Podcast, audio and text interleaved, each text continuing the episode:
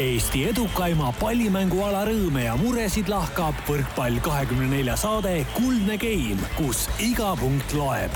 taustajõuna hoiab mängul hoogus ees Kredit kakskümmend neli Buongiorno cari appassionati di pallavolo e benvenuti ad ascoltare il nostro gioco radiofonico Golden Game del quarto marzo 2020.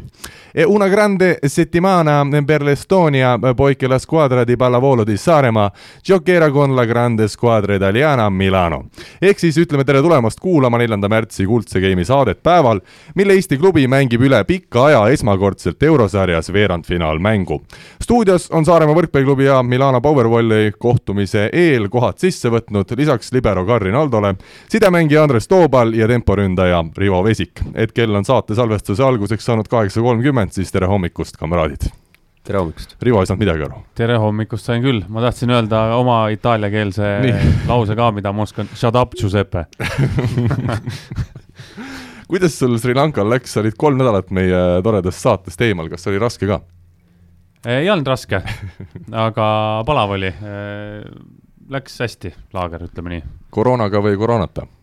mõni õhtu koroonaga, koroonaga, mõni ilma ei, ei nüüd selles suhtes ikka, kas meid ka mõjutab ja, ja kolm maailmakarika etappi on nüüd tänaseks ära jäetud ja ilmselt tuleb veel juurde, et. Need on siis hooaja esimesest poolest? üks, mis pidi toimuma see nädal, jäeti ära, oli Iraanis ja aprillis kaks Hiinat, ilmselt Doha oli küsimärgi all, mis on järgmine nädalavahetus. aga see toimub ja ilmselt ka Itaalia on täna suure-suure küsimärgi all, et kas olümpiakvalifikatsiooniturniiri kohta on mingit infot tulnud või see on veel liiga vara või? Olümpiakvalifikatsioon, sa mõtled seda Continental Cupi? no ma mõtlen, kui Tokyo olümpia iseend-, ise, ise on juba kahtlusel, et kas siis midagi on räägitud sellest kvalifikatsiooniturniirist ka ju? ei ole, ega siis äh, mängitakse ikkagi nii palju lõpuni, kui mängitakse ja, ja siis, siis juba selgub, et äh, korra siin mingi jutt käis läbi, et kuna süsteemi järgi on kaksteist võistkonda või tähendab, kaksteist etappi peab olema võistkond mänginud, et äh, kvalifitseeruda siis läbi maailmakarika etappide olümpiale, siis nüüd korraks käis mingi jutt, et äh, osad mängijad, treenerid tahavad seda nagu, et, et vähendatakse kaheksa etapi peale. aga ma ei usu, et see läbi läheb, et see oleks, see oleks ebaaus. osa, osade poole pealt ebaaus, teiste poole pealt jälle noh, neil ei ole varianti, et.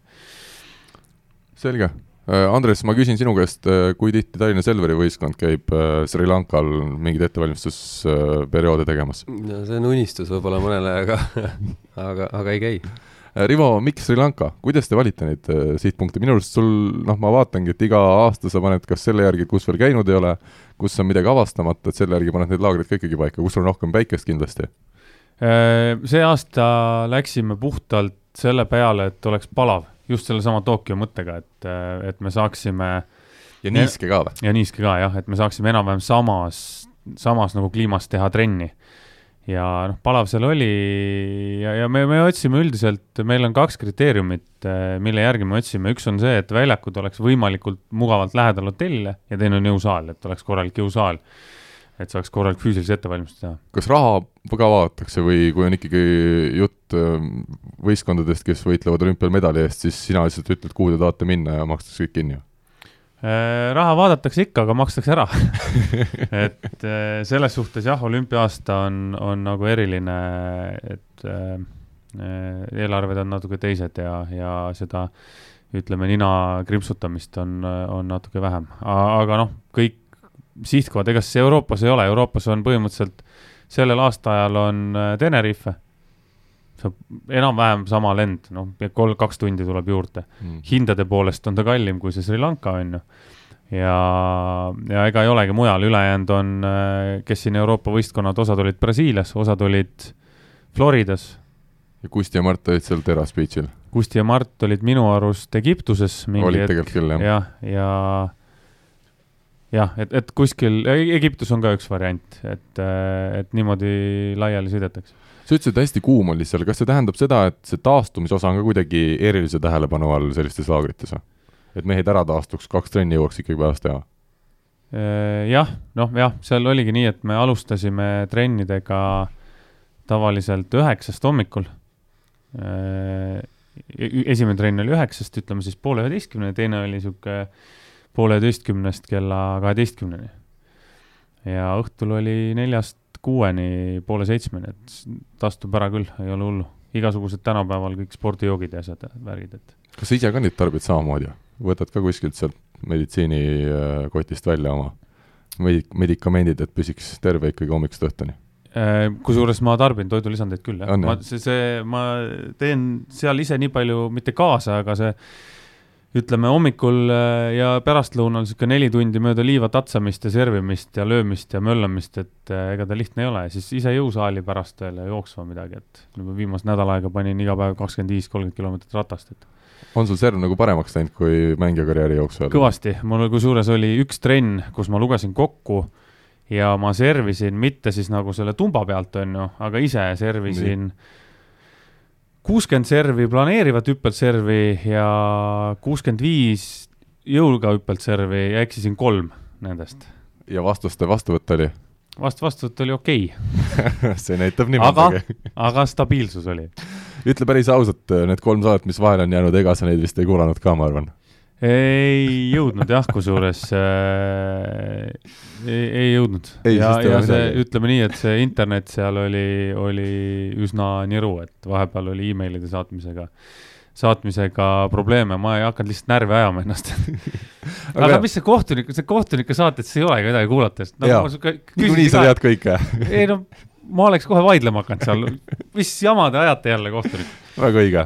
aga kuna meil on täna natuke teistmoodi saade, me keskendume siin päevakajalistele teemadele sisuliselt kogu saate jooksul, siis võtamegi ette kohe saate esimese rubriigi. aeg on välja selgitada nädala tegija nädala tegija rubriik ja mida meile siis eelmise nädala hääletustulemused näitavad, kolmas koht Rene Teppan ja Andri Aganits, meie mehed Belgia meisterklubis Maassegi Greenyardis võitsid siis Meenenit Belgia veerandfinaalseeria teises kohtumises ja meie mehed siis Teppan kuusteist punkti pluss üheksa ja Aganits kümme punkti pluss kaheksa. ja miks see oli märkimisväärne, oli ikkagi see, et esimese mängu oli Maasseg kaotanud Meenenile ja, ja seetõttu neil oli selge vastu seina, nüüd on see seeria seis üks-üks ja seis hoopis roosilisem. Rivo, kas sina üldse tead vahepeal, et Teppan on meil klubi vahetanud? jah. no näed, see ikka nii kiires internet oli sul seal? jaa, ei ma teadsin seda enne juba, et ta klubi vahetab. meie teadsime seda enne juba vist isegi. oli jah, no vot ühesõnaga, kuidas sulle tundub, Aganits ja Teppan, mehed, kes on omavahel mänginud nii Audentese päevil kui ka elu esimeses välisklubis äh, Itaalias äh, on uuesti koos, et sealt ilmselt peab tulema ikkagi Belgia meistritiitel, kui sellised mehed kokku mängi-, satuvad mängima? Noh, võiks tulla küll, mul on pigem on nagu Rene üle hea meel, kes, kes on saanud nüüd siis klubisse, kus ta saab mängida, mängida ka natuke, et muidu seal istumine pingi peal Prantsusmaal ei ole just kõige parem, ei, ei temale ega ka, kui me mõtleme siin EM-i, mis tuleb Eestis, et ega ka see Eesti koondise mm. -hmm. Andres, sina oled koos mänginud äh, Renega, ole hea, iseloomustada natukene mängijana, kui kerge, kui raske temaga on mängida, milliseid tõsteid ta nõuab? No head tõstet, ei selles mõttes, et, et ei, ta on sellise ka kompromissita võitleja ja et äh, ega ta väga palju teiste peale pahaseks ei saa, et eks tal võitlus käib pigem iseendaga ja, ja ta, ta on niisugune selles mõttes maksimalist, et äh, et ta te teeks hea meelega kõik ise ära, on ju, aga, aga kindlasti eks äh, selline hea kliima ta kõrval on, on nagu abiks, et võib-olla siis Prantsusmaal see päris ei olnud nii hea ja ja, ja noh, tal oma selle õlaga probleemid ka, et, et Maaseik on, ma arvan, üks, üks paremaid klubisid üldse Euroopas, kus on nagu niisugune arstiabi ja, ja väga-väga tõsiselt võetakse meeste nagu tervise su-, suunal nagu midagi ette, et ma arvan, et väga-väga õige liigutus, et, et ta sinna läks. Räägime Andri Aganitsast ka, jälle kuna sina oled meil sidemängijana siin stuudios, siis on hea kohe küsida, et kui hea siis Andrei Aganits tänasel päeval temporündajana on, kui, kui lähedal ta on sellele maailma absoluutsele tipule?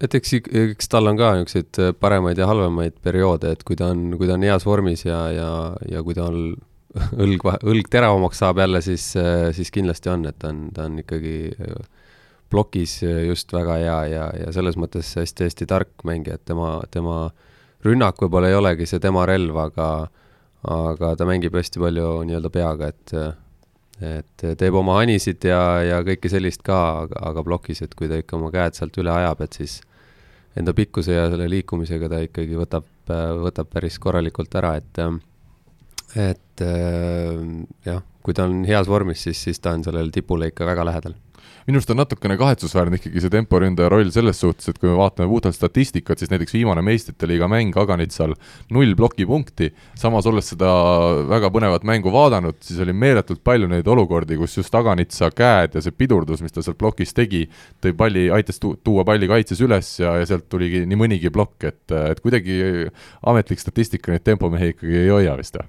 Ega eriti jah, et eks Rivo teab kõige parem, et kõige suuremad musta töö tegijad, et et kui, kui tuleb jah, niisugune päev, kus, kus tõesti tuleb plokipunkte palju, siis siis tuleb võib-olla esile rohkem, aga, aga üldjuhul ikkagi tegelikult, et noh, sellepärast ei öeldagi väga, et või öeldakse keskblokeerija, et noh, et, et tema ülesanne, kõige suurem ülesanne on ikkagi seal see musta töö tegemine ja, ja ja ka see, et kui sa isegi tõstet ei saa, siis aga sa suudad äh, vastase keskblokeerija enda, enda taga kinni hoida, siis, äh, siis see on kõige suurem töö. ja Rivo, oli see siis temporündaja kohta see jutt õige, et no muidugi sa olid varus tol ajal, kui sina mängisid, et ega seal ei saanudki väga tähelepanu siis ei tehtud ta statistikat ka? seal varumeister ei tehtud? siis ei olnud, ei no mitte üldse kellelgi ei tehtud statistikat. siis igaüks jättis ise meelde, palju, palju ta midagi sai. ei, aga ei muidugi õige jutt ja, ja noh, ega keegi peab see Tõnis Roodman seal väljaku peal ka olema, kes musta tööd teeb, et mm. -hmm. ploki puuteid muidugi iseenesest võiks lugeda, mingi statistika võiks nendega olla, et. Äh, teatud liigad tegelikult ja. loevad ja, ja, ja selles mõttes noh, seda märgitakse ära ikka, et mm, -hmm. et see lihtsalt ei tule sellisesse avalikku, kõik treenerid ja kõik näevad seda, aga need positiivseid puuteid, aga see ei tule lihtsalt nagu sellesse üleüldisesse statistikasse mis muidugi võiks tegelikult olla mm, -hmm. oleks päris põnev vaadata, palju siis eh, noh, mingisugune, ma ei, ma ei tea, kas, eh, kas on olemas selline eh, vaata, pannakse mängijatel, pannakse mingid hinded, eks ju, peale, kas see kasuteguri mingisugune indeks jaa, on ka olemas? indeks on olemas jah, noh, selles mõttes, et seal on sellega on ka keeruline, et see, ta päris niisuguseid õigeid asju, kuna on erinevad positsioonid, sa saad jah, positsioone nagu võrrelda mm, -hmm. et, et on küll see niisugune mingi indeksi annab, et see peaks olema kõikides nii-öelda nendes datavoles tehtud. numbrid on olemas, on viis mingisugust palli ja, ja neli, aga sinna mm -hmm. jälle ei ole arvestatud neid igasuguseid puuteid ja plokipuuteid ja mingisuguseid asju. see oleneb vist nagu, kuidas see statistika tehtud on, kui kiiresti ja statistika sellest statistiku, ütleme siis, võimest, kui palju ta ju suudab selle, selle ajaga neid äh, erinevaid asju ära märkida. sidemängija puhul ju ka tegelikult äh, võiks olla näiteks ka selline statistika, et kui palju ta tõstab ühe ploki vastu, on ju, mis tegelikult on suurem osa punktist. Kui see sidemängija suudab sul selle mängu niimoodi laiali jagada seal, et, et sa panedki ühe ploki vastu kogu aeg aga ei ole vist niisugust, niisugust statistikat küll ei ole? mina, mina küll ei ole. muidu oleks tõesti hea hinnata sidemängijaid. jah, sa saad selle pärast nagu kõik välja võtta küll, et sa pead ise seda uurima. aga see, see läheb juba nagu need mm, -hmm. need, need numbrid ja, ja, ja kogu see süsteem läheb juba nagu nii suureks, et seda hallata nagu pead ise nagu oskama. aga kusjuures see oleks jube huvitav, ma just mõtlen ajakirjanikul, kui sa vaatad mingit Markus Keele mängust teed äh, uudist ja siis noh, mis sa seal sidemängija kohta kirjutad, ega sa ju, kui sa statistikat vaatad, sa ei tea, kas ta mängis hästi või ei mänginud, eks ole. et kui oleks niisugune statistiline näitaja, et näed, palju ta tõesti ideaalse vastuvõtu puhul mängis ühese ploki vastu vabaks, oleks vähemalt midagi, mida vaadata, mille järgi mingeid otsuseid teha. jah, natuke saab selle järgi vaadata lihtsalt, et ütleme, kui vastuvõtt oli niisugune kesisem, aga rünnakuprotsent hea, et siis, siis kindlasti sidemängija pidi omalt poolt päris palju mm -hmm. andma juurde ja, ja nii edasi, et noh, seal saab mingeid väikseid võrdlusi teha, aga tõesti suurt nagu pilti nagu jah, kokku mm -hmm. raske panna. kuna Andri Aganit sai isaks siin hiljuti, siis Rivo, ütle, palju sinu mäng paremaks läks pärast seda, kui sina said lapsevanemaks, kas see mõjutas karjääri oluliselt? Mis. sa olid niigi hea? mäleta, ma olin nii vana juba, siis ma ei mänginud enam väga kuskil. ei mõjutanud nii väga. ei olnud? ma lootsin, et siit Aganitsalt tuleb veel üks selline suur aste karjääris edasi, aga. ei, oleneb kuidas kellelegi, et äh, kindlasti on, on see isaks saamine suur asi ja, ja lisamotivatsioon äh, noh, see lisamotivatsioon ei pea olema võrkpalliväljakul, et mm -hmm. ma, ma seda lapse või isaks saamist sporti ei, ei liigi, nagu kokku ei paneks üldse, et need on täiesti kaks erinevat äh, asja. aga oleneb nüüd, palju ta öösiti magada saab, et seal ka ikkagi ilmselt äh, on öötunde vähem, kui oli varasemalt? jah äh,, minul ka oli neid öötunde vähem, aga, aga noh, mind, mina, mind ei olnud kodus nii palju, et et äh, abikaasa tegi kogu, kogu töö ära ja, ja aitäh talle selle eest, et äh, kindlasti Andri et elukaaslane nüüd abielus ei ole, et elukaaslane on, teab, kellega ta koos elab ja, ja, ja mis ta selleks mis ta selleks tegema peab, et äh, Andril oleks, oleks samamoodi hea edasi mängida, et. Äh. no kuna Karin Haidla on ka ise ju olnud võrkpalliga väga lähedalt seotud nii äh, noorena mängides kui ka perekondlikel põhjustel, siis ma arvan, et ta väga täpselt teab, kuidas. no vot, ja siis ongi Andrile olukord lihtsamaks ja, ja toetav pere profisportlasele on väga tähtis, et kui sul on niigi me oleme sellest rääkinud ka siin, et väljakul olles ja igal pool võistlustel olles on äh, sportlane on pidevas stressis tegelikult väljak, väljakul olles, noh, sul ei paista välja, ei ole nagu see stress, mida siin Eesti, mille kätte Eesti mehed surevad, on ju, aga, aga äh, kui sul on see stress ja kodus on stress ja igal pool on stress, et siis, siis, siis need tulemused võivad alla minna küll. ja võistlusstress on veel seljas niikuinii. jah. aga tuleme pere ja kodu teemadelt äh, teise koha juurde Ma.... pere ja kodu rubriik on nüüd, kas ja. nüüd on läbi? no ei tea, alati võib veel tulla, ma ei tõmba kunagi sedasi veel joont alla, aga Martti Keel kui nurgaründaja on saanud meil kolmkümmend kuus häält kuulajate ja lugejate poolt ja Pärnu meeskonna mängust me jõuame veel rääkida, aga Martti Keel oli selles kaotusmängus Jekapilsile minu arust üks selline meeldiv erand, sa vaatad, sidemängija tuleb, see rünnak on natuke kaigas, näeb välja, aga punkte sealt tuli nelikümmend kolm protsenti rünnak ja vastuvõtt seitsekümmend üks protsenti, pluss veel see, et kõik need nii-öelda ebastatsionaarsed pallid, rasked pallid, oli olemas niisugune mees, kes siis sidemängija asemel väga hästi neid ka edasi sai tõsta, et äh, Andres äh, päris selline huvitav lahendus Aavo Keele poolt, aga ega seal palju muid variante ei olnud ka vist? jah, ei tea jah tõesti, mis, mis variandid seal veel olid, et seal kindlasti Kais oleks olnud võib-olla niisugune variant, aga nüüd ei oska jah tema no ta ütles, et Kaisil ei ole lihtsalt see üldmäng ei ole nii hea kui Martil. jah, seda kindlasti, et Marti on ju siin noortekoondise tasemel tulnud ka umbes samast situatsioonist välja väga hästi ja, ja saanud vist parima vastuvõtja tiitli või mingi niisuguse, niisuguse asja kuskilt me meenub, aga aga huvitav, huvitav lahendus jah, ja noh, eks selles mõttes alati on niisugune esimene mäng niimoodi mängida päris tore. ja aga, aga teist mängu võib-olla enam mitte nii tore, et et eks Marti nüüd ei tea, kas saab uuesti mängida või mitte, et kui oleneb, mis positsioonil või kes oleneb siin..., mida Igor Duarte teeb siin oma jalaga, jah. et, et selles mõttes ega neil lihtne ei ole, aga, aga Martilt jah, no selles mõttes kogenud mängija juba teab, mida teha, et et lollusi, lollustega ei tegele ja noh, samas ongi, et kui Taavet on seal piisavalt äh, võimas ründaja, siis, siis tema ülesanne jäigi see niisugune stabiilsust leida sinna, et vältida vigu ja, ja selles mõttes äh, Martti tegi hea töö. no Kalev kuuskümmend kaheksa mehed, ma arvan, et nad meie saadet ilmselt ei kuula, hea kui internet on kodus olemas, aga kui nüüd nemad ilmselt ütleksid, et näed, Marti on vastuvõtul, siin tuleks esimene pall panna üles, kui on planeeriv palling, et näed, sõrmedega võtab ja kohe nurka. kas selline asi on, äh, Andres, ikkagi vist välistatud või? nojah, et võib proovida. jah, võib proovida seal, teeme veel asja huvitavamaks muidugi, et äh, hakkame igast asju välja mõtlema, et aga aga nii jah, praegult enam mehed ei ole järelikult nii head enam, et et äh, olid vanad head ajad, aga ei, noh, selles mõttes, et Ervo on natuke teistsugune ka ja, ja ja seda esimest üles, seal ei ole vahet, et sul on seal samasugune plokk ees, et, et äh, see selles mõttes sinna tuleb isegi paar meest juurde, ma arvan, kolm, kolmene, aga see varumehed jõuavad ka täna, tänase mängutempo juures tulla. jah, aga Rivo, kas rannavõrkpallis tuli seda ette, et te mängisite esimese palli üles? jaa, pidevalt.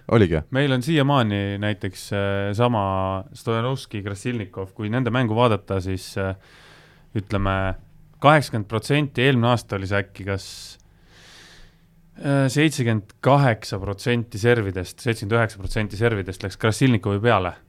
aga Oleg ründas viiskümmend protsenti nendest pallidest. jah, nii et iga teine pall põhimõtteliselt, põhimõtteliselt, kui oli vähegi hästi käes või? ei, mitte hästi käes, lihtsam serv, kohe viskas Olegile sinna antenni üles ja see on nii suur pikk, et kõik kokku lepitud mm. -hmm. jooksis ja lõi ära, et, et ongi noh, rannas mängitakse väga tihti praegu läheb järjest rohkem sinna, et, et kasutada ära seda, kui näiteks plokimängija servib, on ju, et tema jookseb, siis on kõik igast tema värgid, et et seda kasutatakse palju, aga Marti ka, Marti rannavõrkpalli mänginud, ma arvan, et see tuli talle, see tuleb talle seal selle positsiooni peal kasuks ja kogu selle looga tuli meelde kunagine mingi Balti matš, kus me käisime, kus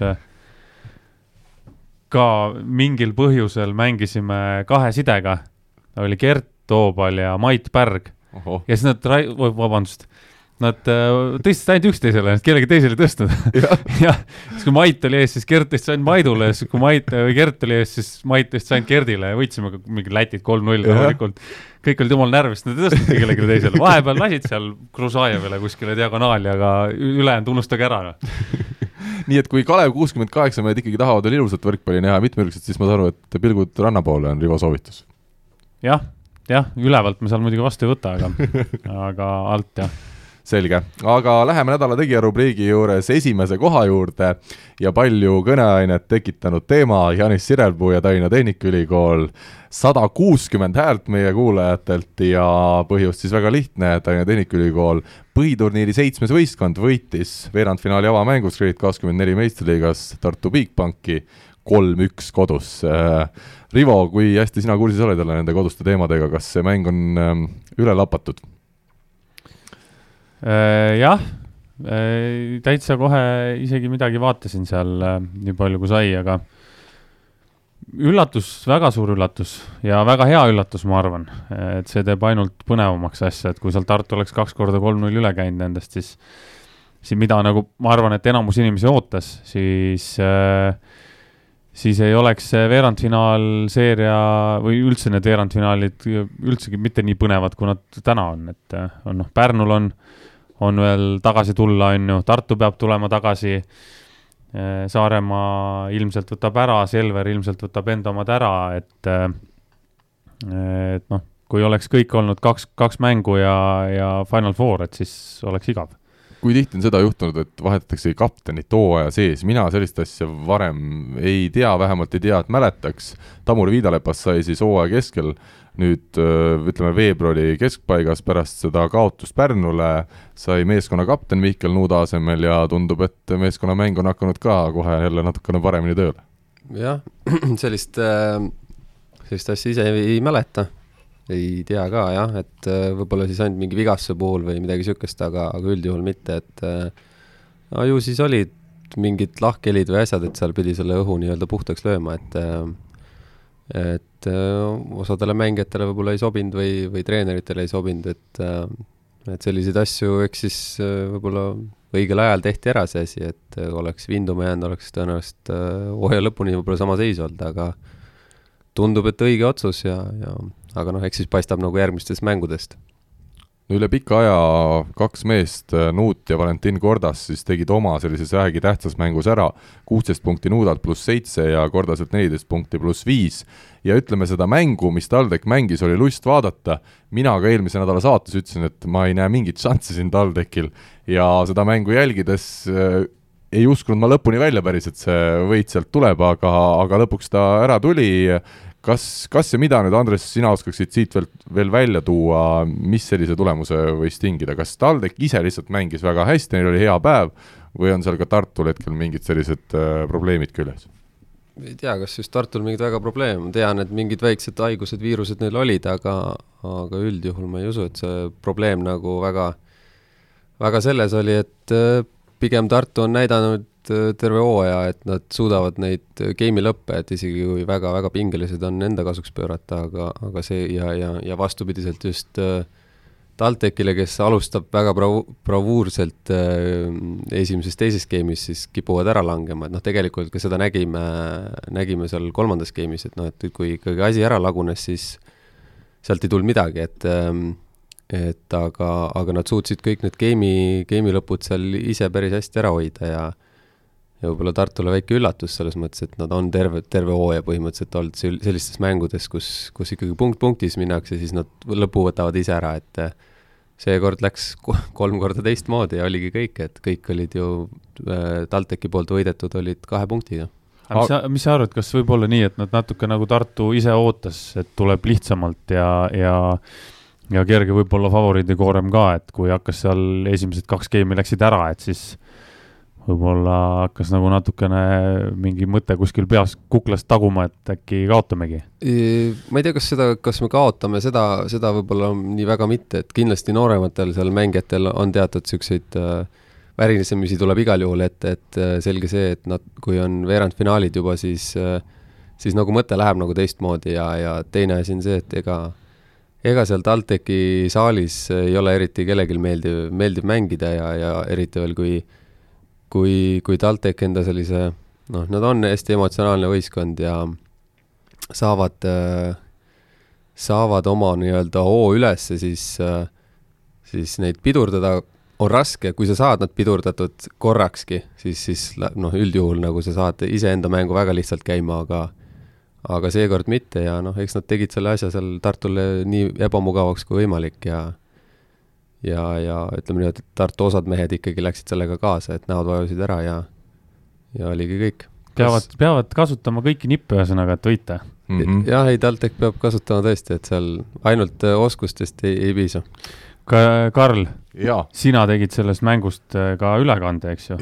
kas tegid ka intervjuusid pärast? ma tegin Viidalepa ja, ja Nuudaga. Ahah, aga Tartu poole pealt ma tahtsin, on plaanis veel kusjuures? ma tahtsin küsida, et kas peale kaotusmängu, ikkagi ma pean selle huumori ära tegema ja, korra, kas peale kartus, kaotusmängu Stockton kurtis ka?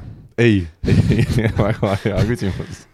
aga vastus on ei. ei kurtnud, seekord, okei okay.. aga Stefan Kaibaldist ma räägiks äh,, mitte Stefan Kaibaldist üksi, vaid sellest, et tema need kolmanda game'i servid olid need, mis tõid Tartu mängu tagasi, kolmas game äh, Tartule kakskümmend viis üheksa numbritega, aga ülejäänud mäng äh, oli ikkagi servijoone taga, Tartu oli väga kehva, kas kas sa oled nõus selle väitega, et, äh, et kuidagi tehti TalTechil liiga lihtsaks see ülesanne, et neil oli vastuvõtt nagu kogu aeg päris hästi käes? jah, alguses äh, nagu ma aru sain, siis taktika oli neil seal üks paika pandud, see päris hästi ei toiminud, et ähm, ma arvan, et ise nad äh, Tartu poole pealt jah, et neil on serviga kindlasti kõvasti juurde panna, et TalTech ei ole selline, selline võistkond, kes, kes peaks seal kuuekümne, seitsmekümne protsendi peal seisma äh, nii-öelda vastuvõtul, et et seal on kohti kindlasti, kus, kus saaks neid rohkem hammustada, samas seekord ei õnnestunud, mehed vedasid seal hästi seal vastu, et ja, ja Tartu kohe nagu niisugust lisakäiku ei leidnud, vaid pigem nagu üritati või jäädi ootama seda hetke, millal TalTech ise ära nagu murdub, et et see on selge nagu neile vihje, et nii päris ei saa ja aga kes on tänavusel hooajal hästi mänginud, Tartul ikkagi Albert Hurt, äh, eile, mis ta eile, vaid selles mängus ka kakskümmend neli punkti pluss kakskümmend nurgaründaja kohta, väga ilusad numbrid, rünnak viiskümmend üks, vastuvõtt kuuskümmend kolm protsenti. Ja, ja ka Kaibald mängis minu arust hea mängu. Märt Tammearu kuidagi see kohtumine ei sujunud, alguses oli nurgas põhikoosseisus, siis tuli Stocktoni asemel väljakule diagonaalis ja ei, ei kuidagi ei kulgenud see mäng, aga aga mis oli natuke üllatav, et kui ma pärast mängu vaatasin Stocktoni seda rünnakuprotsenti nelikümmend seitse, iseenesest üsna korralik, ja siin ka rääkisin mõne võrkpalliinimesega, siis nende jaoks oli ka üllatus, et seda Stocktonit nii mitmel korral, ütleme, Ojamets väljakult ära võttis, kohe kui jälle üks või kaks viga tuli, tuli jälle mees vahetusse. Jah, aga samas sellised need vead tulid ikkagi nagu selgelt valedel hetkedel, et mm -hmm. kui ikkagi serv läheb vahepeal seal viis-kuus meetrit pikaks ja, ja sellist äh, stabiilsust ei anna nagu võistkonnale mingit eriti head, sa võid isegi teha neid punkte küll, aga samas, kui sul on vigu ka piisavalt äh, muudes kohtades ja ja, ja ma ei tea, kas ta seal väga plokki sai või, või palju ta seal kaitses nii-öelda neid palle üles tõi, et praegult enam ei mäleta, aga mm -hmm. aga see üldfoon nagu ei olnud selline, et teda peaks nagu väga hoidma, et äh, seda enam, et nagu mees peaks olema justkui legionär, kes toob nagu niisugust lisahindu, et ähm, jah, pigem nagu ise ka vaatasin mingid hetked, et ma ei, üldse ei vaadanud statistikat, aga aga see mängupilt ei olnud küll selline, et äh, et need head, need punktid võivad ka tulla lihtsalt väga sellest, et ta on, ta pannakse heasse olukorda, aga diagonaalründaja peaks nagu ikkagi lahendama hästi raskeid olukordi. Äh, Alex Saaremaa mängis suhteliselt vähe selles kohtumises, äh, minu jaoks üllatus, et ta põhikoosseisus ei olnud, äh, arvestades seda, kui palju ta siin selle hooaja jooksul edasi on läinud, kas see oli mingi põhjus või, või oli seal lihtsalt kolm normaalsel tasemel tempomeest ja valiti neist kaks? ma sain aru, et Soo ja, ja, ja Saaremaa mõlemad vist olid haiged olnud, et Aha. lihtsalt pandi, pandi üks tervem ja, ja ja selge on see, et Tanila praegult ei ole veel saanud oma vormi, et on, on vigastusega veel ikkagi natukene kimpus, et ta ei ole enda, enda seda mängu veel leidnud. kas äh, vend Gert äh, tuli jutuks ka, helistasid sa talle seal õhtul või sa hoidsid natukene tagasi? järgmisel päeval ikka jah, eks me Aha. kas me, me mitte ainult võrkpalliteemadel, meil on muud ka rääkida, et on teil muud rääkida? kas Gert vingus ka ei, ei, ei vingunud? Gert Curtis Curtis jah, ei, ei, ei vingunud, ütles, et lihtsalt, et sellised asjad võiks kellegi teisega juhtuda aga selle, vot selle võrkpalli igasuguste ekspertide kohta, kes vaatavad äh, pingi pealt, on ju, kõikidel on oma arvamus ja, ja ma ka tihtipeale vaatan mänge ja mõtlen, et mis asja, et miks nad nagu teevad nii ja miks nad teevad naa.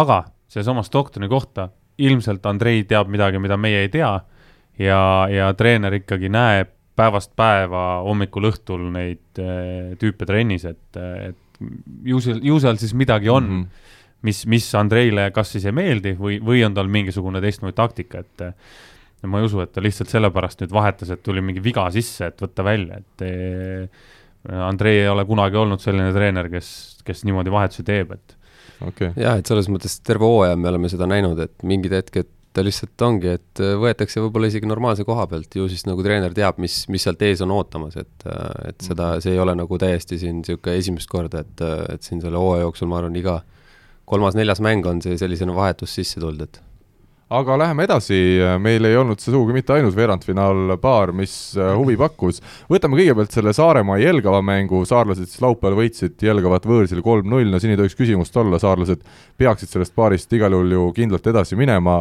Ja Janis Kalmasiidis andis mänguaega ka kõigile neljateistkümnele mehele, Bo Graham, ainuke mees siis temporündaja, kes äh, terve mängu kaasa tegi ja ega siin vist midagi pikemalt peatuda ei ole, saarlastel on kogu keskendumine sellel euromängul, millest, äh, millest me hakkame siin saate lõpuosas rääkima.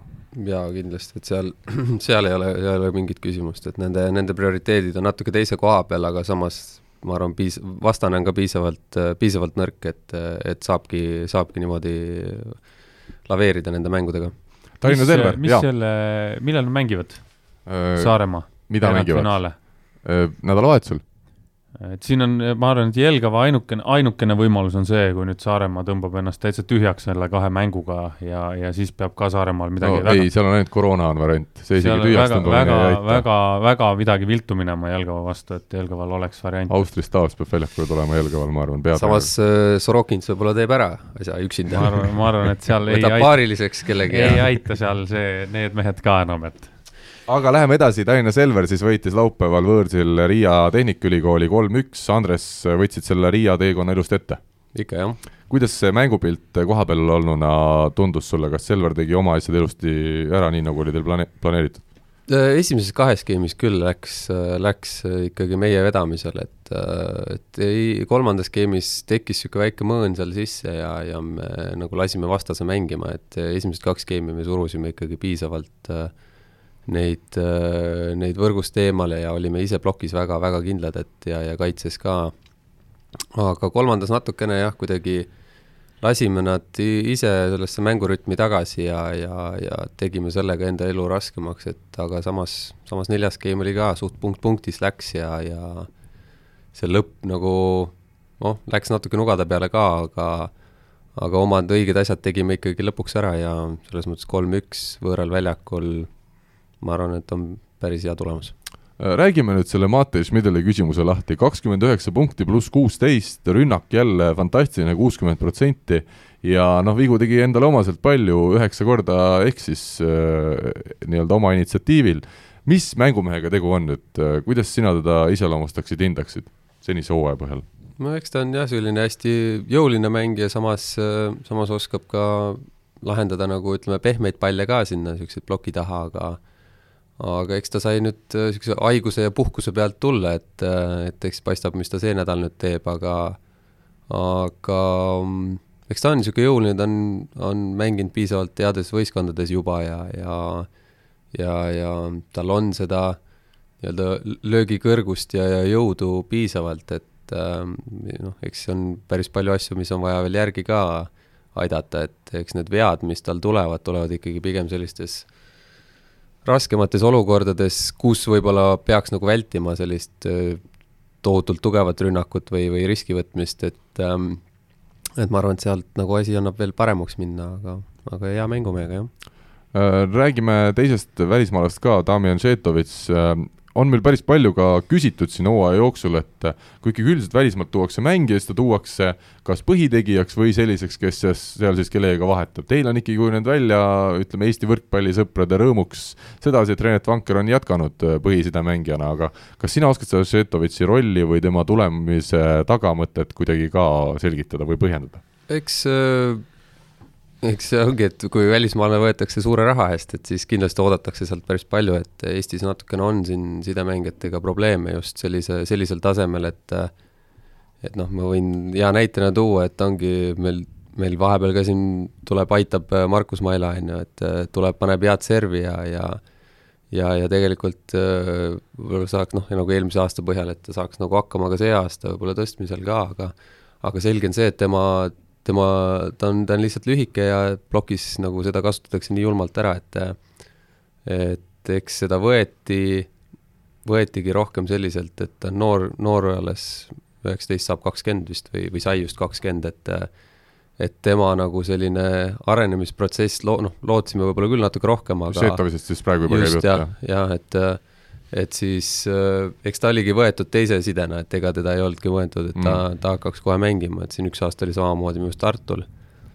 ja mm., ja oli. et, et ega ei olnudki plaan, kindlasti meeskonnal ei olnud plaan, et ta nüüd tuleb ja hakkab tegema, et eks see oli ka tema niimoodi arenemiskoht ja, ja ja eks ta ongi siin lihtsalt äh, aidanud meid äh, plokis ja, ja, ja, ja servil ja, ja noh, vahest on ta siin tulnud päris hästi mängima, et ta on selline äh, natukene slaavilikum verd sees ka, et äh, võib-olla asjad ei tulegi nii hästi välja, kui, kui siis, kui pinge peale tuleb, siis, siis hakkavad asjad võib-olla natuke isegi paremini jooksma no,. kui, kui, kui ei lähe täitsa untsu. Rivol on vaieldamatu lemmikmängija Šetovitš, ma ühte saadet mäletan, kus sa kõvasti temast äh, on rääkisid. minu, minu küsimus tekib, kogu selle asja peal tekib minu arust, kas tõesti, tõesti ei ole Eestis ühtegi noort sidemängijat, keda panna tema asemele? jah, ei ole, kes, kes suudaks äh, kaks korda päeva, päevas trennis käia, et me saaksime see on, siis on kurb sest äh, jah, ütleme niimoodi, et Eestis ikkagi, kui sa piisavalt ei, ei saa tasustatud ka ja seda ja, küll, jah. ja et siis, siis sul ei ole seda motivatsiooni käia hommikul ja õhtul trennis. ja, ja eks see sinna taha jääbki, et ega ja kui mänguaega ka ei saa, siis, siis ähm, tänapäeva, tänapäeva noored leiavad midagi põnevat ja trenni kvaliteedi osas on ju ka hästi tähtis, et sul on kaks korralikku sidemängijat ikkagi mõlemas trennis aga olemas. täna on ju üks Selveris korralik sidemängija, et no andke tõesti andeks ja ja ta on poolakas meil on ju. poolaks jah. ja Poola poisist palun ka väga sügavalt vabandust, aga ta ei mängi seda taset välja, et seda poolteist sooja palli game'is võiks mina ka teha seal on asi nii hull, ei ole vist või? no ma olen vähe näinud, ma ütlen, ma jälle, mina vaatan täpselt selle, ma olen näinud umbes neli mängu, Selveri mängu millest ta on kaks mängu saanud ja on täiesti ära soperdanud, nagu ei ole mitte midagi tulnud sealt. ja, ja, ja ongi, see on see minu. küsiks, et mis Renet siis tegi, et ta välja võeti? no vot vot, see on jälle treeneri ja see on see, see on, vot see on nüüd selle inimese arvamus, kes on seal, satub kaks korda tribüünile ja siis võib-olla sel Poola poisil lihtsalt oli halb päev. pruudiga tülis või mingisugused mm,. lahus äkki isegi, esimene kord tülis ja teine kord, kui sa nägid, oli juba lahus. jah, et äh, võib-olla tõesti et kui Andres ütleb, et ta on, ma usun, ma usun. võtan oma sõnad tagasi, ma usun. Eestis kindlasti siin nii naljalt ei oleks kedagi sellist võtta, kes, kes mm, -hmm. kes oli selle positsiooni, et äh, selge on see, et et isegi kui tal tasemelt on, on nõrgem, siis, siis teda, ta on nagu vajalik ikkagi, et äh, et sellist jah, et kes kaks korda päevas nagu saaks nagu profina tulla, võib-olla isegi tase ei ole veel nii hea, siis äh, siis selliseid mehi ei ole. Ja mis, mille ma eraldi mainiks ära, nii-öelda special mention. Äh, Deniss Losnikov, viisteist punkti pluss seitse, Oliver Arava asemel siis pääses algkoosseisu ja väga hästi mängis üle pika aja, vähemalt statistikat vaadates, ma ei tea, kas nüüd üle pika aja, aga selline täismäng, tähtis mäng, selliseid äh, tore näha, et Deniss, endine Eesti koondislane ikkagi sai ülesannetega kenasti hakkama. jaa, Deniss on, on trennis ka näidanud äh, et on, on targemaks läinud ja, ja kasutab enda eeliseid ära, et ei, ei kasuta nii palju jõudu ja teeb nagu niisuguseid targemaid liigutusi ja hoiab stabiilselt seda asja. ja Latsareti osas siis Oliver Orav, eks ole, oli meil vigastusega väljas ja Helger Hääl, vabandust, mitte Helger Hääl, vaid Mark Saru ja, ja Timo Lõhmust lihtsalt meie Rivoga tahaks kõvasti rohkem mängimas näha, aga me saame aru, et Schmidl on hea ja te ikkagi tahate kuldmedaleid see aasta võita. jah, ei, selles mõttes ma, ma jõuan jälle selle, selle kohani, et et Eesti liiga ongi juba niisugune erand, et kus väga-väga noored mängijad saavad väga palju platsile mm., aga aga selles mõttes need noored mängijad ei saa nagu sellest nagu solvuda, kui kui seitsmeteist, kaheksateist aastased kogu aeg ei ole need äh, staarmängijad, et äh, siin võib igaüks tuua näiteid, et äh, Tähe ja Tepani kohta ka, siis nemad, nemad hakkasid ka alles siis pihta, kui neil oli gümnaasium lõpetatud, just, et et see liiga vara, liiga vara niisugune push imine, et äh, sinu peal, õlgade peal on ja, ja sina oled see, kes teeb, siis kipub hili-, hilisemas äh, perioodis, kus nagu need tõelised õiged mängud tulevad, siis, äh, siis natuke niisuguse vale efekti tekitada, et et ma arvan, et see selline kasvamine natukene külje pealt ja tulla õigetel mängudel sisse, see on nagu ma arvan isegi õigem. Selveri koha, koha pealt on ju tegemist sellise võistkonnaga, kus, kus noh, sa ütled noormängijad on ju, sest teil on, teil kõik noormängijad. peale, peale sinu et eh, noh, tegelikult on, vaadates. Reimo Rannar on vanem. jah, ja vaadates seda koosseisu, siis on ju äh,, Rannar on ju, on kõige vanem. jah. kolmkümmend üks vist või? noh, jah, mina. jah, no ja, ütleme just, just. ikkagi võistkonnas ja. sees, eks ju, siis äh, on Oliver ja, ja Oliver on kakskümmend viis jah, Deniss on ka seal, seal vist ja. äkki aasta vanem või? jah mm. -hmm. nii. ja siis need on nagu vanad, vanad ja, mehed just, võistkonnas. Äh, seal kahekümne viie ringis on ikkagi nagu vanad mehed, jah. jah, et äh, selles suhtes on, on äh, haruldane võistkond ja, ja samas on, on tore ju, et mängivad, mina, kusjuures mina arvan, et nii. Selver on üks, Selver teeb mingi üllatuse siin. ja, ja sa mõtled nüüd seda toidupoodi?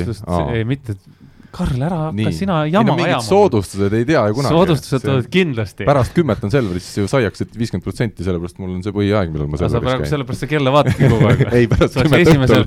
saaks esimesele jaole. pärast kümmet õhtul juba. ühesõnaga, ma arvan, et kas Eesti meistrikatel või, või siin Final Fouris on Selver äh,, teeb mingi üllatuse.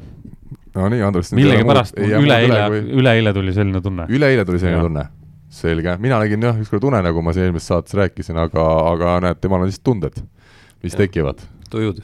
tujud ja tunded. tuli, tuli jah, kohe selline imelik. väga hea, nii et jääme ootama, aga viimane veerandfinaalpaar, väga pikalt sellest ei räägi, Pärnu võistkond kaotas siis kodumängu Ekapilsi Luusile veidi üllatavalt kindlalt äh, kolmes game'is, samas kui hakata jälle süübima olukorda sisse, siis kui seal on äh, kaks nurgameest puudu, Igor Duarte ja Toni Tammiksaar, ja nurgas mängibki Martti Keel, kes iseenesest sai oma tööga korralikult hakkama, aga ütleme, Richard Voogel paratamatult noortekoondis on ikkagi veel sellisel tasemel nii tähtsaid mänge nii-öelda küpsena mängima valmis ei ole, et sellel, ma ka vaatasin seda mängu, ütleme pool mängu umbes ja seal tuli ikkagi selliseid lihtsaid vigu sisse, mida kogenud sidemängijaga vist ei tuleks. jah, tõenäoliselt Martiga neid, neid vigu ei tule ja, ja tõenäoliselt nende ainuke šanss on jah see, et Duarte saab ennast ikkagi mängima ja, ja, ja Marti saab tõsta, et mm -hmm. et sellisel juhul neil teatud äh, šanss jääb, aga, aga seal nii-öelda äh, ja EKAP-il siis selles äh, karukoopas on päris, päris keeruline, et seal on päris võimas publik ka ja aga, aga jah, ja, ja selge on see, et EKAP-ils väga-väga tahab sinna Final Fouri saada, et see on, see on nende ainuke võimalus. Aaval on kõvasti mõtlemist praegu, et mm -hmm. kuidas, mida seal ümber tõsta, et kui tõesti see Duarte ei saa, ei saa korda, et siis on noh, sama Kais on ju nurka panna, üks variant, Marti tõstab kas siis liigutada kedagi tempost kuhugile nurka, on ju, et, et Aavo, Aavo peab selle koha pealt kõvasti tööd tegema, ma arvan, noh, eks tal on mingi plaan kindlasti olemas ka, mida ta siis nüüd teeb ja, ja teab, aga aga vaadates seda, seda Pärnu seisu praegu, siis äh, tekib nagu küsimus, et kas võistkond on kehvasti komplekteeritud. Võib-olla mulle tundub, et need ikkagi legionärid sel aastal natukene sai, no ilmselt see rahakott oli nii väike, et tuligi võtta sellised mehed, kes jaa, aga tempod nagu on iseenesest nagu ma arvan, väga head, aga lihtsalt need no Kaavo ka ütles pärast mängu. tempo, võib sul hea olla, aga kui see pall sinna ei jõua, kus vastuvõttu ei ole, siis selles mõttes ongi, et see on nagu, on, ongi sealt komplekteeritusega, et noh, et, et kas, kas oleks võinud siis kuskile teise kohta saada vähe mhm. kindlam mees, et kui mm. praegult siin on jah, ikkagi seda selektsioon seal on, on suht kehva ikka jah, et äh, Duarte on rohkem Pärnu haigla praegu rivistuses kui seal meeskonna treeningutel, aga aga ütles just Keel ka, et kuidagi diagonaalis ei saadud rünnakuid, nurgameeste rünnakuid pidama, et see on ju paljuski ka dia-, mitte diagonaali, vaid just temporündajate asi, et äh, plokiga et, ei saadud kinni nüüd siis jah, seda ma va vaatasin ka, et äh, ütleme, Jekapilsi plokk oli, oli kõvasti parem kui, kui Pärnu oma, et jah, kuida-, kuidagi ei saadud sinna käsi ette, et see Ekapils, muidugi Ekapilsi puhul ma pean ütlema ka, et nad äh,, nad võitlesid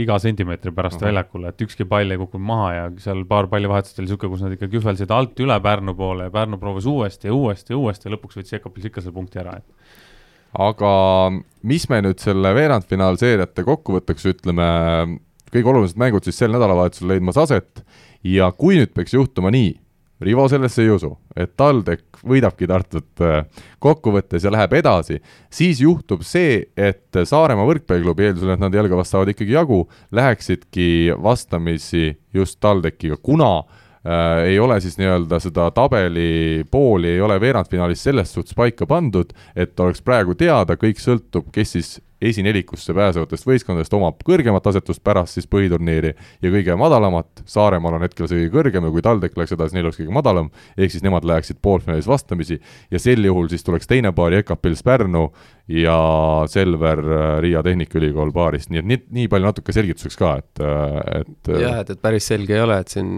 siin kõikidel statistikutel on natukene siin pea, peamurdmist, et isegi siin juba jälgime igaks juhuks nii Jekapilsi kui, kui, kui Tartut siin mõlemat, et äh, ja, ja, ja, ja veel Pärnu ka veel, et selles mõttes, et äh, lihtsaks ei tehta selle reglemendiga, jah. aga aeg jookseb peale ja läheme küsimusmängu juurde küsimusmängu toetaja on teamshield.com oma disainiga spordi ja vaba aja riided eelmisel nädalal siis küsisime, milline Eesti klubi teenib Kredit24 meistriliiga veerandfinaalseeria avamängus suurima võidu. õige vastus oli Saaremaa, pakuti ka Tartut meile Tallinna Tehnikaülikooli ei pakkunud keegi ja Pärnut pakkus Heiki Kiiskinen, tervitame teda, aga Pärnul läks nii, nagu läks, aga Heikil läheb vähemalt hästi. Heikiga, Heiki muidugi väga võrkpallist ei jaga ka midagi, et selles aga... suhtes on, äh, on okei okay vastus. aga meil on teisigi selliseid vastajaid, kes võib-olla alati ei, ei tea kõike, aga ma nüüd toon jälle Aare Alba mängu, meie legendaarne vastaja, ja tema ütles äh, ka seal kirjas juba tegelikult, mis oli see enne seda TalTechi ja Tartu mängu, et tema näeb TalTechil šanssi. aga ta muidugi ütles, et kuna ta ise on saarlane ja ta pelgab lihtsalt, et naine enam tuppa ei laseks, kui ta pakuks, et näiteks TalTech saab kõige suurema võidu või Tartu, et et äh, siis ta vastas ikkagi Saaremaa ja lõpuks, nagu ikka elus, tasub naise järgi elus otsuseid teha, on nii, eks ole, Rivo ja Andres? jah alandlikult. kükitame keskkooli jääb vastuse võlgu ja Saaremaa siis jah, ainsana Eesti klubidest selle kolm-null võidu võttis, meil oli äh, kaheksa õigesti vastajat. Rivo, sa oled pikalt reisilt tagasi, ma lasen sul kohe ühe numbri öelda. Äh, kaks. kaks, Meelis Nukki või Nuki, Nukki kahe K-ga ehk siis talle nukid Rivo poolt. Äh, meie võrkpall kahekümne nelja legendide erilahendusega särk siis Team Shieldi poolt on sinna minemas, et teada saada, kuidas särki kätte saada, siis äh, Võrkpalli kahekümne neljas on meil eraldi võrkpallisaate rubriik ja sealt äh, Team Shieldi küsimusmängu alt leiab juba täpsemad juhised alati üles. ja lisaküsimus oli meil siis selline, mitu mängu on koondises kokku Andres ja Gert Toobalil, kas sina, mis sa pakud, Rivo, ilma teadmata infot Gerdil on seal kolmsada pluss. õige, kolmsada kaheksa. ja Andresel on äh, kolmkümmend kuus. korda neli. on ka või? sada kaksteist. Jeesus. nii et jah Äh, ja Aare Alba tegi jälle nalja, et kui, äh, kui on vaja head sidemeest, siis helista üks, üks, kaks. et Andresel on täpselt nii palju mänge turjal ja kokku palju see teeb, Rivo sada, palju Gerdil, kolmsada kolm või? kolmsada kaheksa. kolmsada kaheksa. nii, nüüd me sada kaksteist. nelisada kakskümmend. Ossar raks, vaata kui kiiresti tuli. ja käibekas maha, on ju ja, ja hakkab tulema. nelisada kakskümmend siis õige vastus, meil oli jälle kaheksa õigesti vastajat, olgugi et need nimed nüüd siin vaheldusid, sest osad ei teadnud seda, et Saaremaa õige suurema võidu saab ja ja teised jälle ei teadnud siis seda teise küsimuse vastust. Andres, ma annan sulle ka ühe võimaluse ühest kaheksani. kuus. kuus, Mario Printsman, niisugune huvitav nimi, äh, saab meil siis äh, kohtunike stardipaketi. kas see on see, mis Paki. ma küsisin? vile ja kubet rõhutavad püksid kas on? Need püksid sa pead üle vaatama, kui sul kodus on midagi anda, siis me anname juurde, aga ei, tegelikult on vile, siis selline või see märgikene ei olnud, kas see on magnet või see niisugune kohtuniku embleemiga. mis rinde käib neil, on ju? kas ta, igatahes ma ei hakka ütlema, sest Erko Helmet seda selitas, aga ma olen juba vahepeal ära unustanud ja siis on äh, Adidase särk, et niikuinii sul ju, Rivo, on suursponsor ja särgisponsor, kes? minul? jah. mul Adidas ei ole. aa, Armani. et siis sa poleks ju saanud kanda seda nii et väga ei. hea, et sa ei osale meie küsimusmängus kunagi ja mina sa..., mina, mina oleks tahtnud neid pükse. ei, ma saan aru, aga meeldivad. me ei saa välja loosida asju, mida me ei ole välja pannud lihtsalt meil on see probleem. aga Maarjale palju õnne ja meil on siis uue nädala küsimus juba ette valmistatud ja see küsimus on järgmine mitu geimi mängitakse veel Tartu Bigbanki ja TalTechi seerias? ja, ja Rivo, mina küll ütlen, et siin on variant pakkuda siis kolmest kümneni, aga sina enne saadet ütlesid, et seal on võimalik vastuse variandid ainult kuuest kümneni. kuuest kaheksani, ma ütlen, ma parandan, kuuest kaheksani.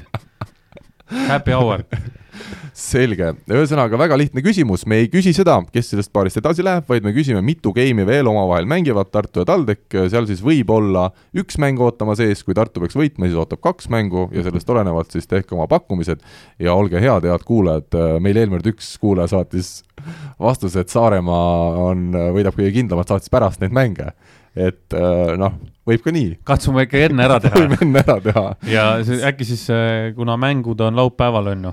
ja pühapäeval siis vajadusel, jah. et siis äkki panekski mingi ajalimiidi ka mhm. seekord, et no ongi äh, laupäeva kuni mängu alguseni olen mina võtnud alati neid vastuseid vastu ja sellega on meil siis küsimus küsitud, info et võrkpalli24.ee või võrkpalli24 Facebookile sõnumid on need kohad jätkuvalt, kuhu saab vastuseid saata, meie aga läheme edasi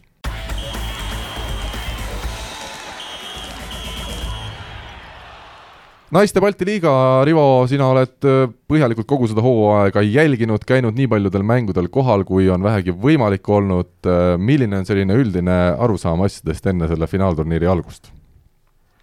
üldine arusaam on see, et äh, TalTech on tugev ja Tartu on ka tugev. ahah, sa oled, ja sa oledki asjadest põhimõtteliselt õigesti aru ja. saanud. ja, ja, ja üldiselt ma arvan, et see finaal, nad ei lähe kokku poolfinaalis, eks? Nad ei lähe kokku, näed. sul on isegi, noh, isegi need asjad on selged juba. seal vist on ära loositud need ikkagi pooled või? seal vist veel pooled, pooled jah ja, ja, aga seal ülejäänud, kes siis on, järgmised on, kes seal veel on Final Fouris? kes on veel Final Fouris, ma võin sulle öelda, Riia, Riia võrkpallikool ja, ja Kaunas. ja Kaunas, väga hea. vot, sellised seisud. ja ütleme siis tõesti nii, et äh, nagu Kristjan Kais, Tartu naiskonna peatreener ütles, et see favoriit ikkagi on TalTech, ma olen sellega nõus, äh, vaata seda, kuidas TalTech on mänginud, jah, neil on nüüd mitmed mängijad ära läinud siin. Vahepeal, Julia Mõnjakmaa läks Prantsusmaale, Kristin Õlvak äh, teeb sellist pausi praegu ja Kristel Moor ka on, on oma karjääri pausile pannud, aga samas on Liis Kullergann juurde tulnud ja Kadi Kullergann diagonaali kohal on väga hästi mänginud, nii et õed Kullergannud äh, on praegu seda võistkonda vedanud ja ma julgen küll öelda, et kui ikkagi sellisel tasemel mängijad seal finaalturniiril Jüris siis oma asjad laupäeval-pühapäeval ära teevad, siis TalTech peaks selle kulla võitma. et selles mõttes ongi ju niisugune fenomen, et kui tavaliselt võetakse play-off'e või enne play-off'e nagu võistkonda juurde kedagi, et tugevdada, siis, siis seal on see aasta siis selliselt, et tähtsamateks mängudeks pigem minnakse ära. Vähemaks. Aga kellega siis mängitakse Tallinna Tehnikaülikool mängib siis teises poolfinaalis kell kuus laupäeval Kaunasega ja Tartu mängib äh, kolm tundi varem äh, Riia võrkpallikooliga. Ja ütleme, Tartu poolel on ikkagi meeldiv äh, selline esilekerkija tänavusel aastal olnud Kadi Kalm, eelmise nimega Kadi Mägi, oli ka siin veerandfinaalmängudes resultatiivne mõlemas kohtumises, Tartu siis sai Taugapilsi Milat Milats, ma ei tea, kuidas seda nime nüüd jätkuvalt ütlema peab, kolm-null ja kolm-null jagu ja TalTech siis võitis Austriinet kolm-üks ja kolm-null. kui me räägime vastastest, siis Riia võrkpallikooli puhul on see diagonaalründaja Marta äh, Kamelia Levinska, vasakukäeline pikk tütarlaps, kes ilmselt lähiaastatel mängib juba mõnes päris tugevas Euroopa klubis, see, kelle poole nüüd vaatama peab, kas, äh, kas ja kuidas temast jagu saada ja kui me vaatame Kaunase naiskonda, siis nende puhul on ikkagi öeldud, et see võitluslikkus on see peamine asi, võib-olla seda mänguklassi nii palju ei ole, kui, kui siin teistel poolfinaali pääsenud naiskondadel, aga ka Jelgava vastu siis see veerandfinaalseeria näitas, et olid seal otsustavas kolmandas mängus null-kaks taga, aga lõpuks võitsid kolm-kaks, nii et ei, nende vastu ka midagi nüüd üleliia kerget ei ole ilmselt ees ootamas. Äh, jah, see Final Fouri üks, üks huvitavamaid asju ongi see, et seal on üks mäng, on ju et äh, kuigi Tartu ja TalTech peaksid sinna ära võtma oma jõu ja oskustega need mängud, siis siis üks mäng teeb asja põnevamaks, et seeria võtaksid nad kindlasti ära, et oleks kahe võiduni, kolme võiduni seeria, siis selle võtaksid nad kindlasti ära. aga just üks mäng, et äh, favoriidikoorem on Tartu ja TalTechi peal, teised mängivad põhimõtteliselt äh, noh, mängivadki vabalt. Ja seal kaks-kolm viga ja, ja sul ongi selg juba vastu seina ja noh, nagu TalTechi meeskond näitas, et äh, on vaja ka kolm game'i lõppu ära võtta. igas game'i lõpus on vaja võtta kaks punkti rohkem kui vastane ja, ja ongi kõik, et äh, selles suhtes tasub Jürisse minna kindlasti vaatama ja seda selles mõttes ongi, et äh, naiste võrkpallis on neid tõususid, mõõnasid natukene rohkem ja, ja, ja sealt tegelikult jah, on, võib-olla, et üks game ühtepidi, teine teistpidi, et, et seal on ikkagi päris palju rohkem selles närvides mm -hmm. ka mänge, et et kuidas pärast sellist kaotatud või võidetud game'i järgmine, järgmine edasi ja kui see on ainult ühest mängust nii tähtsad mängud, siis see saab päris põnev olema. Ja sa ütlesid, et ikkagi meie kaks naiskond on favoriidid, aga ütleme, Riia võrkpallikool ju võitis veerandfinaalis pärast avamängu null-kolm kaotamist äh, eelmise aasta kuldmedalisti Alitust kolm-null, kolm-null ja ma arvan, et ikkagi Riia võrkpallikool heal päeval peaks olema Tartuga suhteliselt sarnasel tasemel see kõik need võrkpallikoolide, igasuguste spordikoolide ja noortevõistkondade äh, kõige suurem pluss on see, et nad hooaja lõpus mängivad kordades paremini kui hooaja alguses, sest nad koos arenevad, nad koos õpivad, nad koos äh, kasvavad, on ju, seal äh, naiste liigas, et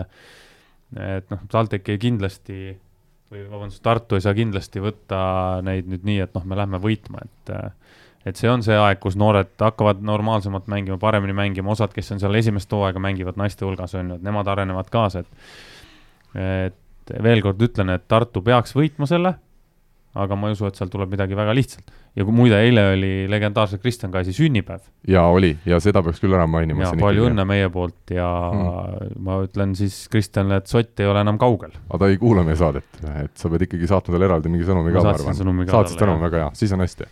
Ja kui nüüd TalTech peaks ilusti selle poolfinaali lahendama ja Kaunasest jagu saama, siis finaalis, ükskõik siis kas Tartu või Riia, kumb sinna pääseb, võib olla üks küsimus mis TalTechi nii-öelda nõrkuste hulka kuulub tänasel päeval pärast Kristi Nõlvaku lahkumist ikkagi servi vastuvõtja, kogu see kaitsemäng, et see pool on kindlasti äh, Kristi äraminemisega jäänud nõrgemaks ja võimalik, et sealt siis saavad vastased TalTechi natukene hammustada. eks seda ole näha jah, Rivo kaitsemängust ja sinu, sinu ekspert, et äh, kui Kais kuuleb, siis on hästi, et äh, kui, kui keegi teine sealt Riia saab, siis, siis, siis on hästi, et siis nad vähemalt ei saanud aru sellest vihjest, aga aga Kristjanile küll jah, et, et hea vihje eksperdi poolt. absoluutselt. ma arvan, Kristjan nii tark mees, et ta saab sellest ise ka aru. Nii, aga hästi, soovime siis meie naistele edu, loodame, et ikkagi eestlased on lätlastest paremad ja läheme saate järgmise osa juurde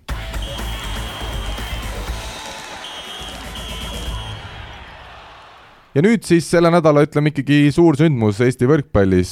Üle pikkade aegade on Eesti klubi mängimas eurosarjas nii kaugel kui veerandfinaalis ja jutt siis CEF Challenge Cupist Saaremaa võrkpalliklubi jõudis veerandfinaali ja nüüd siis tänu koroonaviirusele, kui nii võib öelda, on kaks mängu järjest, täna kolmapäeval ja homme neljapäeval meid Kuressaares ees ootamas.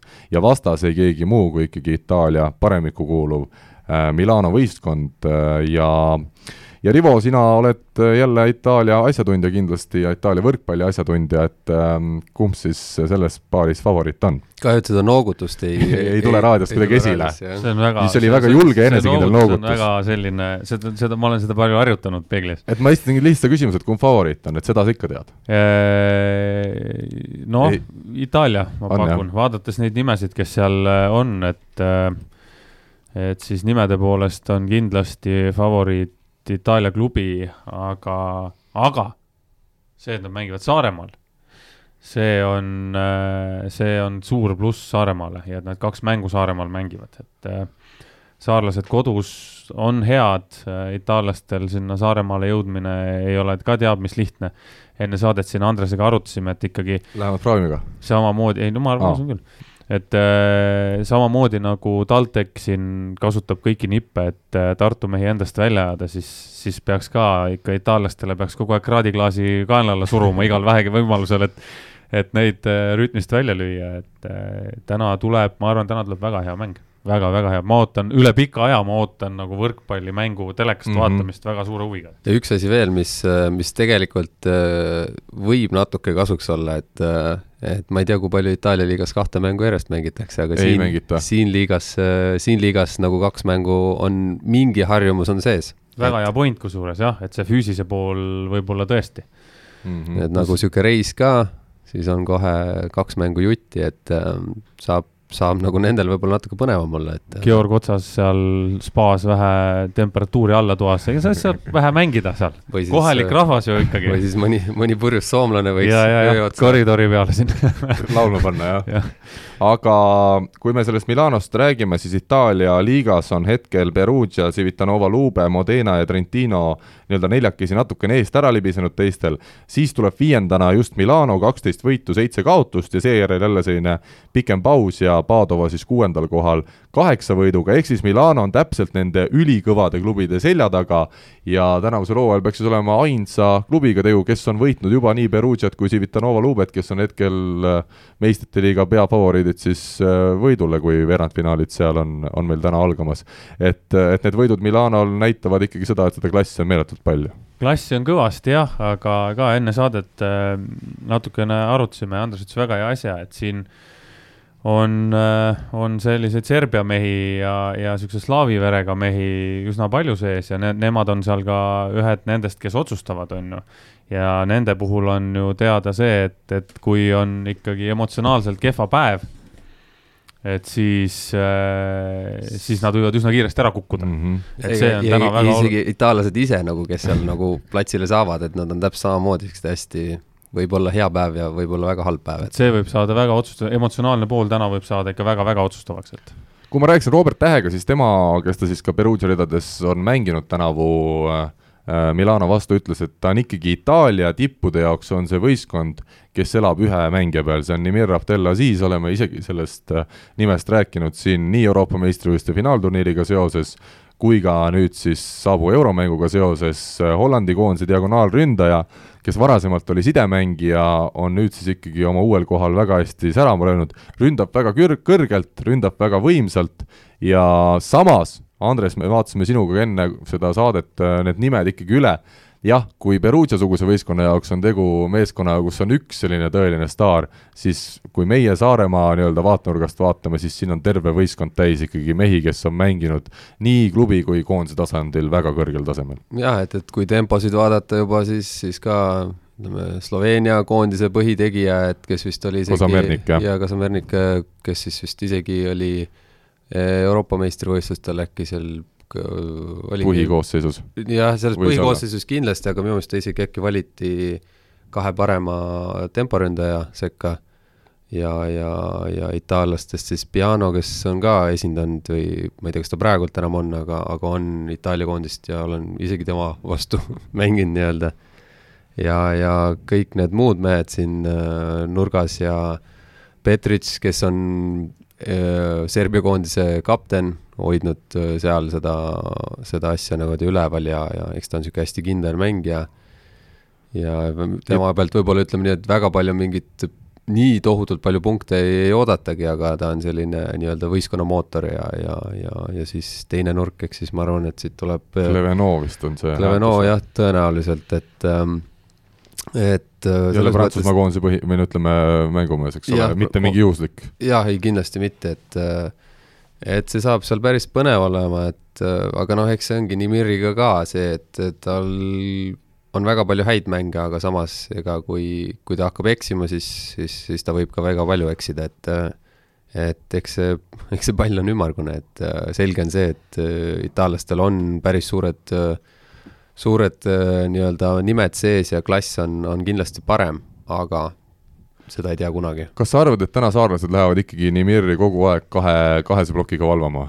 või no, päris, nii ei saa? päris nii nagu ikkagi ei saa, et äh, sa, sa võid, et ma arvan, et vastaste sidemängija on natukene ikkagi targem, et, et ta ei, ta ei hakka ikka samamoodi nagu edasi mängima, et kuidas ta harjunud on, et ähm, kindel on see, et siin, siin mängu sees nad leiavad sellise, sellise mingi vastuvõtme ka, aga nüüd olenebki sellest emotsionaalsest poolest, et kui, kui, kui tõsiselt nad võtavad Saaremaad ja, ja kui tõsiselt Saaremaa suudab nagu enda need pinged maha, sest noh, ütleme, et Saaremaal on ainult võita ja, ja Milanol ainult, ainult kaotada, selles mõttes, et see paneb neile nagu mingid pinged peale ja võiks natukene vabastada, vabastada Saaremaad mis mulle tundub, meil temporündajad Graham ja Treial on üsna sellised pikad kujud, et äh, kui me räägime sellest, et Nimir Abdelaziz ründab hästi kõrgelt ja vaadates ka nurgas, meil on Jimenez on niisugune pikk mängija ikkagi nurgaründaja kohta ja noh, Pupart on lihtsalt oma kogemustega ilmselt äh, maksimaalsel kõrgusel. kogemustega pikk mängija. lihtsalt, ei ta on lihtsalt sellel õigel hetkel, kui Nimiri käsi seda palli tabab, on ta alati oma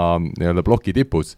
Et äh, kas tundub see sulle, et, et Nimir nüüd päris, iga kord päris meie plokist üle ei pruugigi saada lüüa? no kui isegi lööb üle, siis, siis peaks nagu selle kaitsetaktika panema nii paika, et ega tal nagu kõik, kõik suunad ka ei ole olemas, et mm -hmm. on kindlasti mingid lemmiksuunad ja kui, kui sealt mõned pallid üles saada ja ja natukene vastasel tuju ära võtta, et kõik pallid ikkagi maha ei kuku Saaremaa vastu, siis, siis eks siis hakkab neid vigu ka tulema mis mind Nimir ei ole ka nüüd mingisugune imemees, et ei ole ikkagi jah nagu, nii, Rivo tuli kuskilt nüüd üle, kaugelt, tuli tagasi. ei ole mõtet äh, üle tõmmata sellega, et tal on üks mees, kes tuleb ja võidab üksinda Saaremaad. kui tal on hoog sees, siis tal on hoog sees ja kui, kui ta ei leia, siis ega siis naljalt nagu niisama tagasi ei tule, et ma nüüd tegin viis viga ära ja siis järgmisel hetkel löön kakskümmend punkti, et mm., äh, et äh, eks kõik olid inimesed lihtsalt, nad teevad seda lihtsalt harvem Äh, Roberto Piazza siis äh, meeskonna peatreener, kes juhendas siin ka Belhatovis ju Rene Teppanit,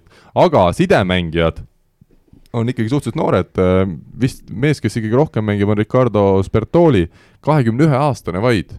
ja, ja teine sidemängija Marko Itso on siis kakskümmend viis, et üsna sellised noored valikud, aga, aga järelikult on siis nii head mehed, et neid usaldatakse nii palju, et, et ei olegi kogenud meest kõrvale võetud kuigi võib-olla seal peitub ka see, miks ei ole meeskond päris nende Itaalia nelja tugevama tasemel Itaalia liigas veel kokkuvõttes mänginud. jaa, eks, eks, eks, eks iga võistkond nagu peab siin Itaalia liigas eriti ka, et neil on ju omad äh, omad võimalused neid välismängijaid mängitada, et, äh, et siin on võetud selgelt nagu kaks itaallast, on ju, ja, ja, ja loodetud selle peale siis, et, et need välismaalased, kes siis nagu platsi peal on, teevad nagu siis võib-olla natuke rohkem suurema töö ära, et ja, ja vähem, noh, eks seal ongi, seal on selline võistkonna komplekteerimise asi ka, et äh, kas siis treener või, või, või management või kes, kes iganes selle otsuse teeb, et äh, on nagu loodetud selle peale ja, ja ma arvan, et piisav tase on meestel sees, et, äh, et nii mängida. ega see ei ole neid neid sidemängijaid ei ole nüüd niimoodi võtta ka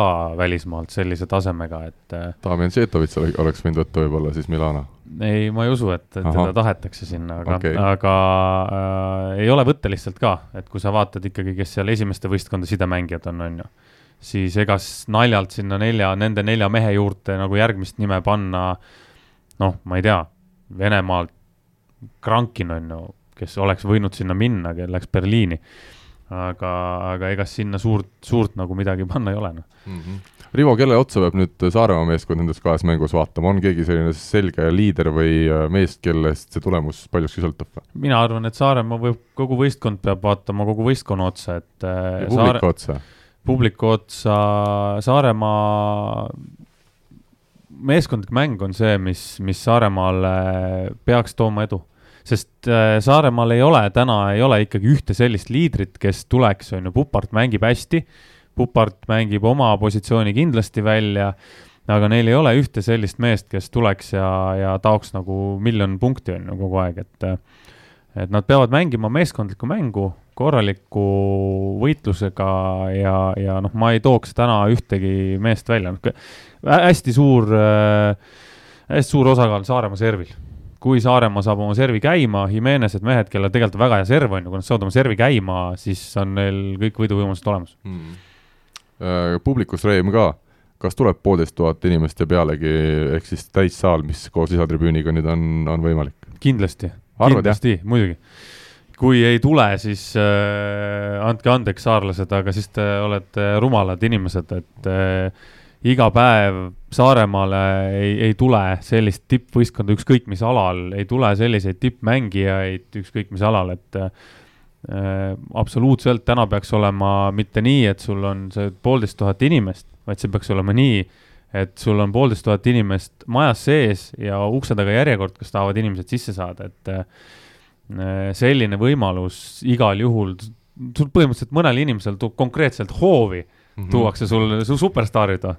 et peab minema vaatama, isegi need inimesed, kes ei ole nüüd teab mis võrkpallifännid, siis, siis täna soovitan kõik trummid ja, ja patid ja pannid ja kirved ja asjad aga kaasa ärge. pasuneid võtke, ma ütlen, sest ma ei kannata neid pasuneid, kui need on kõrva kõik ääres. ei saa elada sinu järgi, sa lähed kohale ikka või? ikka kohale muidugi. no siis, Aga siis küll võtke pasunaid hästi palju, pasunaid. keegi ei tohi pasunat võtta või kui võtab, siis mingu kuskile WC-sse seda puhuma, sest see, kas, kas nii, kas nii tohib see liiga kõva kui nad see. oskavad see mängida on hullem kui? Maria Šarapova see karjumine seal väljakul oli, aga tore, et ta nüüd karjääri ära lõpetas. kas tohib, Aga nii ei-, oskab mängida keegi, trompetiga seal laseb? vot see on hoopis teine asi, okay, see on üliäge. noh, aga mitte see, et sa lihtsalt pasundad kuskil kõrva teisele inimesele. Saaremaa siis kõik Saaremaa trompetimängijad minge saali. just. Jah.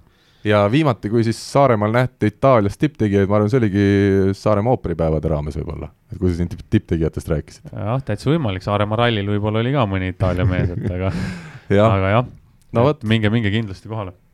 ja ma saan aru, et Rivo, sina oled siis teleka ette lukustatud kohe, enne juba pool tundi varem. Äh, jah, tead, ma oleks, ma oleks läinud Saaremaale ise kohale, aga, Aga- aga, aga ma pean homme ära lendama, et siis ma, mul täna veel nii palju tegemisi ja asju ja homme ka, et siis ma ei hakanud, ei hakanud seda reisi ette võtma, aga oleks ma olnud pikemalt Eestis, ma oleks kindlasti läinud. Rivo, sa oled heas vormis praegu, ma pean küsima täna, kui ikkagi suur võrkpall on telekas tulemas, kuidas, mis sa sinna kõrvale võtad siis selle mängu kõrvale? kas äh, igasuguseid asju. vegan, vegan Ei., vegan porgandid? ei, ma olen laagris, siis ma söön korralikult ja teen trenni, kui ma Nii. olen kodus. täna ma ikka söön chipse ja aga mitte Võib-olla koroonat ära ei, koroonat lihtsalt. võib-olla ühe õlu ikkagi joon. aga mitte koroona ei. Sandelsi. Andres, kuidas sinul, kas sa pead olema õhtul samal ajal trennis või? Äh, jah, seit-, seitsmest hakkas, ei mis kell hakkas? täna on seitse jah? seitse jah, pigem olen trennis jah. kui, kas on valus ka vahel sellistel hetkedel, et äh, või, või sa võtad ikkagi telefoni kuskilt nii, et Birooli ei näeks seal trennis ja tegelikult on silmad seal kogu aeg? ei, ei kindlasti ei ole seda, et, et enda asjad tuleb ise ära teha, et meil on omad eesmärgid ja, ja, ja selles mm -hmm. mõttes, et et siin sportlastele jah, vabariigi aastapäev on ka trennipäev, et selles mõttes ei, ei teki puhkepäeva. No et ke pir- keha ei lähe puhkama sellepärast otseselt teistmoodi, et või teisele režiimile, et et me teeme enda asjad ära ja saaliajad ei ole kummist, ütleme niimoodi, et kui saaks muuta, et siis, siis loomulikult võib-olla tõstaks natuke lähemale ja, ja võib-olla saaks, aga aga meil on, meil on kuuest üheksani saaliaeg, nii et kuuest üheksani? kolm tundi? meil on kolmetunnised ja üldjuhul siuksed saaliajad, võib-olla nüüd praegu play-off'ide aeg on natukene lühemad trennid, aga ossa jõstus. selle kohta, sportlaste vabade päevade kohta, mul üks hea sõber Ilmar Ojase, kes kunagi äh, oli Nõukogude Liidu ujumiskoondise liige, kes tegi hästi palju trenni. Ja vanal sügaval Vene ajal ta läks äh, täiesti harjumusest, harjumuspäraselt läks esimesel jaanuaril trenni. Hommikul. Nii, kell kaheksa. Nii. Ja rääkis loo, et ta oleks ääre pealt äh, valvuri käest, kes oli kergelt võtnud, oleks ääre pealt peksa saanud, siukest lollakas oled ja täna on esimese jaanuari esimene, Ilmar läks trenni, sest tema oli sportlane ja tema jaoks oli trennipäev mm.. mm.. selliste toredate sõnumitega ongi hea võtta tänane saade kokku, Andres Rivo, aitäh teile tulemast, Eesti võrkpallil on väga eriline nädal ja nädala teine pool just ees ootamas, jääme siis põnevusega kõiki neid mänge vaatama, jälgima ja kohtume kõigi kuulajatega uuesti juba nädala pärast. aitäh. head aega Eesti kõige põnevamad podcastid on Delfis, kuula tasku.delfi.ee